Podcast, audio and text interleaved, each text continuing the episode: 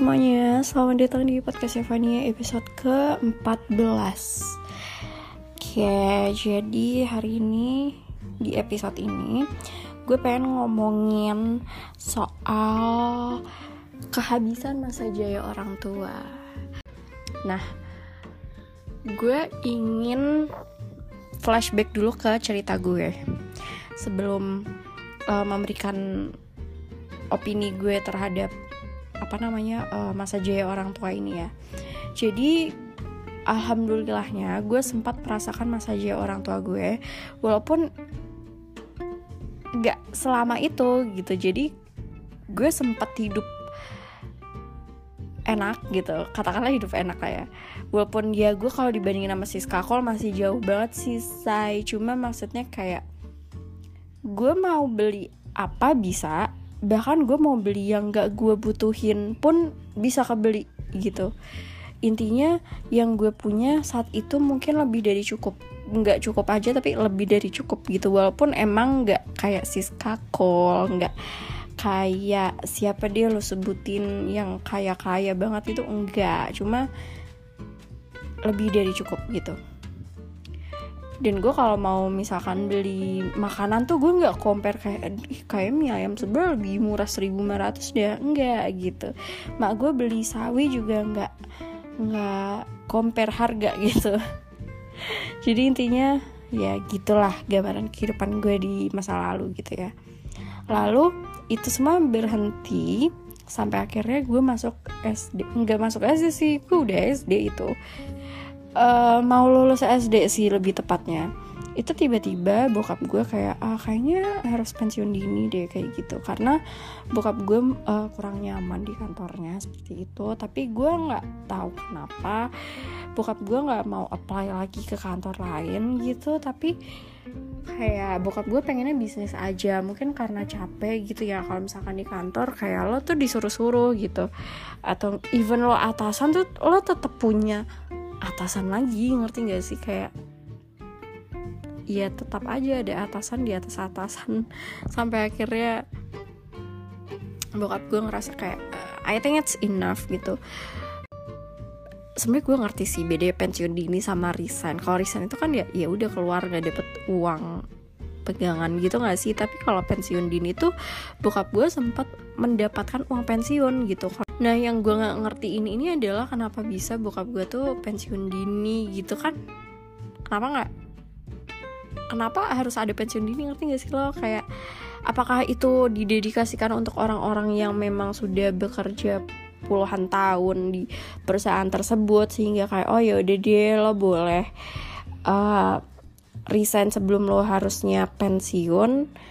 Tapi omongannya pensiun dini atau gimana gue nggak ngerti gitu. Karena bokap gue itu bukan resign ya tapi pensiun dini gitu. Jadi adalah uang pegangan yang bisa untuk kehidupan setelah keluar dari kantor itu gitu. Dan gue gak tahu pasti jumlahnya berapa tapi gue rasa itu cukup banyak untuk bisa menghidupi keluarga gitu. Tapi uh, kalian harus ingat lagi gue saat itu masih SD dan gue nggak ngerti financial planning kind of thing. Jadi gue kayak oke okay, gitu. Um, gue juga nggak bisa ikut campur dan memberikan opini dong. Mungkin sekarang gue bisa gitu tapi kalau saat gue SD gue nggak ngerti coy. Yang di pikiran gue adalah Justin Bieber. I love him right? Kayak gue nggak peduli hal-hal kayak beginian gitu. Dan gue juga nggak ngerti. Uh, jadi ketika bokap gue udah caw gitu ya dari kantornya dapat uang pensiun dia um, ingin membangun bisnis. Lebih tepatnya membangun pabrik gitu dengan teman-temannya. Nah, cuma yang perlu digarisbawahi adalah teman-teman bokap gue yang ikut joinan bikin pabrik ini mereka itu masih bekerja gitu. Jadi just in case the worst case adalah pabrik ini tidak jalan mereka masih bisa menghidupi keluarga mereka gitu. Sedangkan bokap gue gue nggak paham juga. Bokap gue itu ngasih berapa persen dari dana pensiun yang didapatkan. Cuma um, hal tersebut membuat uang pendidikan gue tuh sekarang nggak jalan gitu loh. Jadi uh, mungkin bokap gue memberikan 50 atau mungkin 60 70% dari uang pensiunnya gue juga nggak paham gitu loh. Yang pasti adalah itu besar yang diberikan untuk bisnis mereka saat itu. Di sini gue juga pengen ngebahas soal orang kantoran yang terbiasa bahkan puluhan tahun. Bokap gue sama teman-temannya itu adalah semua orang kantoran gitu. Jadi dari mereka lulus kuliah mungkin ya gue bisa bilang mereka itu udah ngantor gitu. Jadi mereka nggak pernah yang namanya mencoba bisnis atau apa. Jadi ketika bokap gue keluar di kantornya mereka tuh langsung ide aja gitu kayak eh bisnis yuk gitu. They have money dan oke okay, good. Cuma yang mereka nggak punya adalah pengalaman berbisnis. Mereka nggak tahu gitu. Kalau misalkan lo di kantor lo performa kerja lo pada bulan itu katakanlah tidak begitu baik. Mungkin yang lo dapatkan bukan potongan gaji tapi mungkin uh, omongan aja itu dari atasan lo kayak kenapa kok performnya kurang lalalala gitu kan. Tapi gaji lo masih stabil sama ya kecuali lo ngelakuin hal-hal yang parah gitu kayak lu nyolong apa namanya uh, komputer kantor atau apa itu beda beda cerita ya. Maksudnya ini ngomongin performa gitu. Ketika perform lo nggak baik di kantor lo nggak mungkin kan gajinya tiba-tiba berkurang sekian juta lah gitu. Nggak mungkin kan? Tetep yang lo dapetin tuh sama gitu. Tapi lain hal dengan bisnis. Inilah yang gue bilang kenapa nggak semua orang kantor itu bisa berbisnis dan nggak semua orang yang berbisnis nyaman untuk ada di kantor gitu. Can you tell the difference? Bisa ngerti juga kan maksudnya apa yang gue maksud gitu. Nah sedangkan ketika lo ada di dunia bisnis nih ya lo nggak bisa nggak punya plan ngerti nggak sih? Kayak oh nggak bisnisnya pasti bakal berjalan. No. No nggak. Bisnis itu yang langsung berjalan ketika lo baru buat itu sangat amat langka menurut gue jadi lo harus nyiapin plan A, plan B, bahkan gak cuma B, C, D, bahkan kalau bisa sampai Z, lo bikin plan sampai terakhir. Kalau misalkan plan A gak jalan gimana? Plan B, plan B gak jalan, plan C. Maksudnya lo masih bisa untuk berpikir, berinovasi, memutar duit lo gitu. Jadi just in case, oh perform bulan ini gak baik, ya gimana caranya? Lo masih uh, harus bisa membiayai katakanlah listrik perusahaan lo air perusahaan lo terus pajak lah terus kayak gaji karyawan lo terus belum lagi bagian untuk lo sendiri dan temen-temen joinan lo itu gitu kan. Kayak ya gimana caranya gitu. Karyawan listrik pajak air juga nggak mau tahu kalau misalkan lo kolaps atau gimana gitu kan. Yang penting ya udah gue udah kerja untuk lo ya udah bagian gue mana gitu kan. Makanya menurut gue nggak semua orang itu bisa untuk berbisnis. Karena bisnis itu selain lo butuh banyak modal mental lo tuh juga harus kuat. Dan kalau misalkan lo mau joinan sama teman-teman lo make sure teman-teman lo ini yang bisa uh, apa ya membantu untuk berinovasi membantu untuk membuat plan yang lain dan jadi backup yang baik. Pokoknya saling menguatkan dan saling katakanlah gini lah lo cari temen bisnis yang bisa kalau sama lo tuh bisa kayak puzzle yang tersusun rapi gitu. Jangan kayak puzzle yang berantakan. Jadi gak nyambung gitu ngerti gak sih? Jadi bisnisnya otomatis nggak jalan dong ya kan? Dan betul bisnis bokap gue tuh nggak jalan gitu. Otomatis uang dana pensiun yang telah dikeluarkan itu ya udah dong gone hilang. Nah apa yang terjadi ya, yang berdampak otomatis adalah ke keluarga gue. Itu lebih banyak karena untuk di keluarga teman-teman bokap gue ya mereka masih hidup seperti dulu sebelum mereka membuat bisnis ini gitu. Mereka masih oke okay, mereka masih bisa hahaha gitu. Sedangkan keluarga gue itu nggak nggak kayak gitu gitu loh. Jadi um, gue sempet yang gue agak lama sih denial gitu kayak enggak ah gue gue masih hidup oke okay kok gitu. Karena dulu gue kalau misalkan mau beli apa-apa gue tuh dulu bocah yang kayak oh di spoiled banget lah kayak gue mau beli apa nggak pakai babi ibu bokap gue langsung bayar gitu loh kayak. Gue dulu suka banget ke Gramedia sama Kid Station. Lo tau kan dua tempat itu adalah tempat yang gila mahal gitu loh. Dan dulu tuh gue kalau misalkan ke mall gue bolak balik keluar masuknya tuh ya di situ. Gue dulu jadi anak yang suka bermain dan membaca buku gitu. Ngerti gak sih? Pokoknya gue kayak living my dream life aja lah gitu. Nggak mikir apa-apa. Gue main ya ada. Terus gue juga uh, bisa baca buku-buku yang mungkin nggak semua orang tua bisa rutin membelikan buku ke anaknya gitu loh. Sedangkan buku gue tuh dulu banyak banget. Karena gue sesuka itu sama membaca jadi sampai gue bisa ngabisin buku satu buku. Lo tau gak sih KKPK kecil-kecil punya karya. Lo dulu gue suka banget tuh beli kayak gituan. Terus beli komik-komik apa sih uh, kayak Helen Keller Albert Einstein. Lo pasti tahu yang gue maksud tuh yang mana gitu. Itu kan harganya ya murah ya say gitu. Terus gue bisa ngabisin buku itu dalam satu hari. Satu buku satu hari bahkan beberapa jam doang karena saking suka ya gue sama baca. Jadi gue kalau ke toko buku itu gue beli beberapa buku karena saking cepetnya gue baca saking sukanya gitu. Terus dulu gue juga tiap weekend gue pasti keluar rumah untuk sorry sorry gue makan di luar gitu dinner lunch whatever terus gue pasti pasti ke mall. Terus gue kayak main di lo tau gak sih playground yang ada di mall tau kan lo? Nah gue main di situ dan gue baru tahu ternyata harganya tuh mahal banget say ternyata. Dan gue tiap minggu main kayak gitu dong.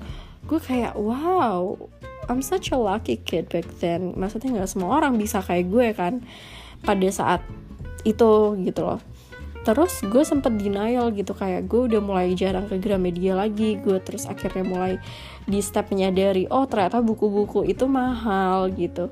Terus gue sampai lagi ke fase di mana gue menyadari bahwa oh daripada gue beli buku gue mendingan beli kuota gitu atau enggak mendingan gue beli makan di sini atau enggak gue mending beli baju gitu.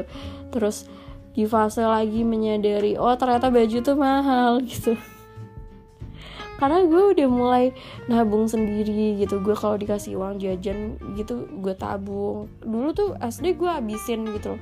Misalnya gue dikasih berapa deh katakanlah sepuluh ribu gitu gue dikasih zaman dulu ya.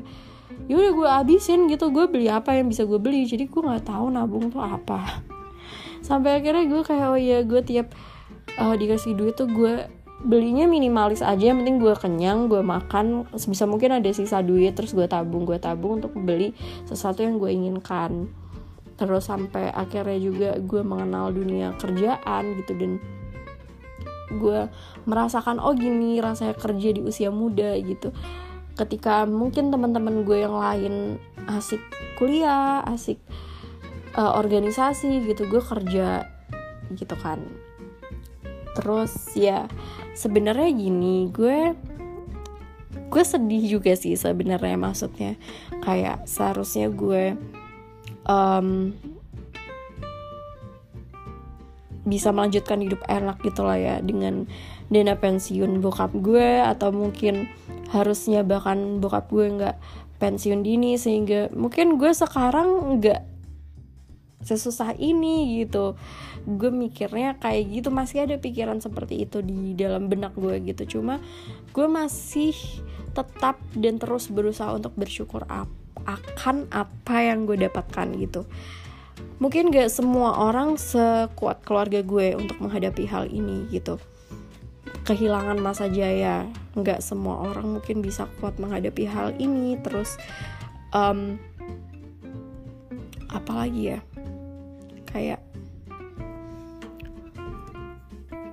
gue juga jadi punya pikiran yang luas gitu mengenai financial planning. Terus gimana apa yang harus gue lakukan ketika gue bosan bekerja?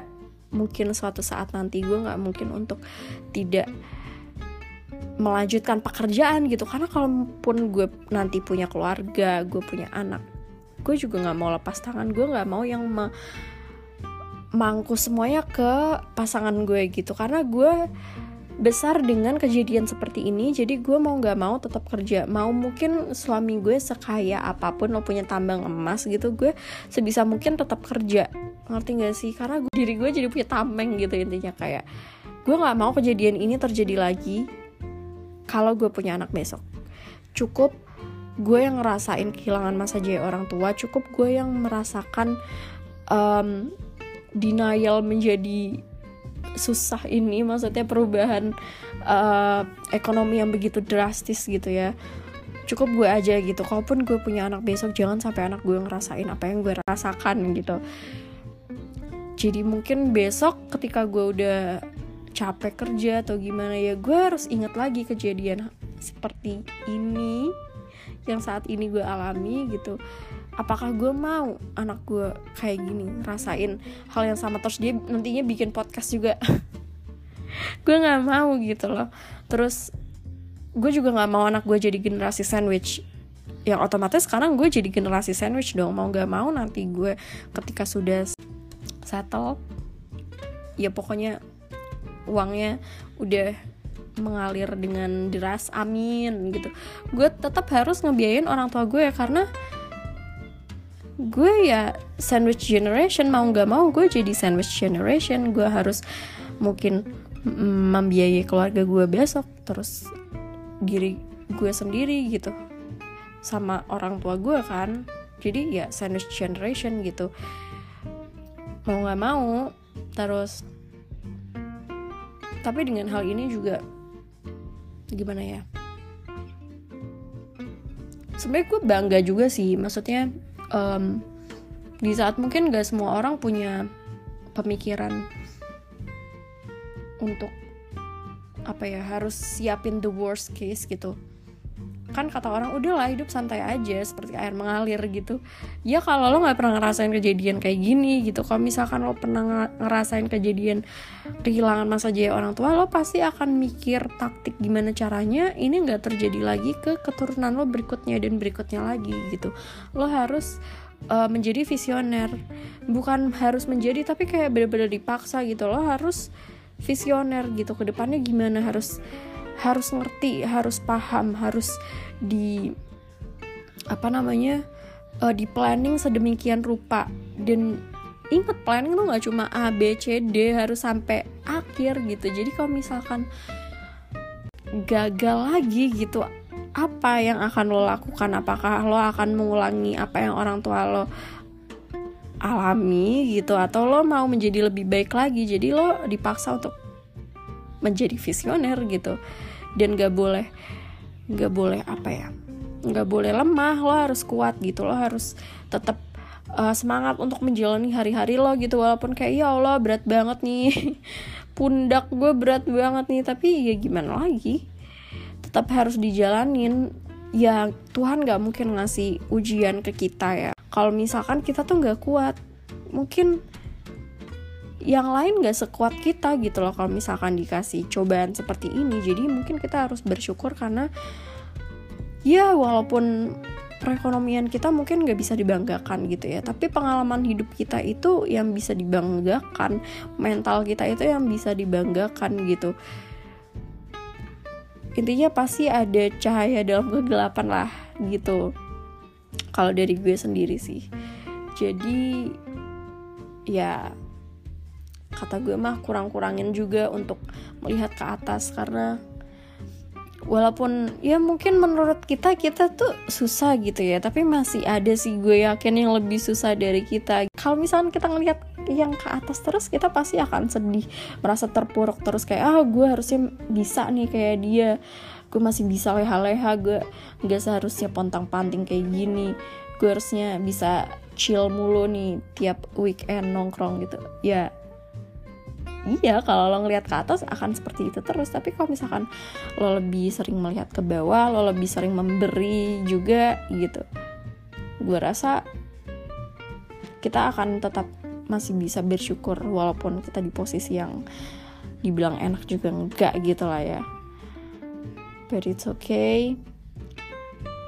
Gue harap kita yang kehilangan masa jaya orang tuanya ini bisa lebih sukses lagi dari orang tua kita sehingga anak kita besok gak usah jadi sandwich generation gak harus um, kesusahan seperti yang pernah kita alami gitulah ya. Pokoknya jangan sampai keturunan kita mengulang apa yang kita rasakan gitu. Itulah poinnya dari podcast ini. Sampai jumpa di podcast berikutnya. Eh salah episode berikutnya. Bye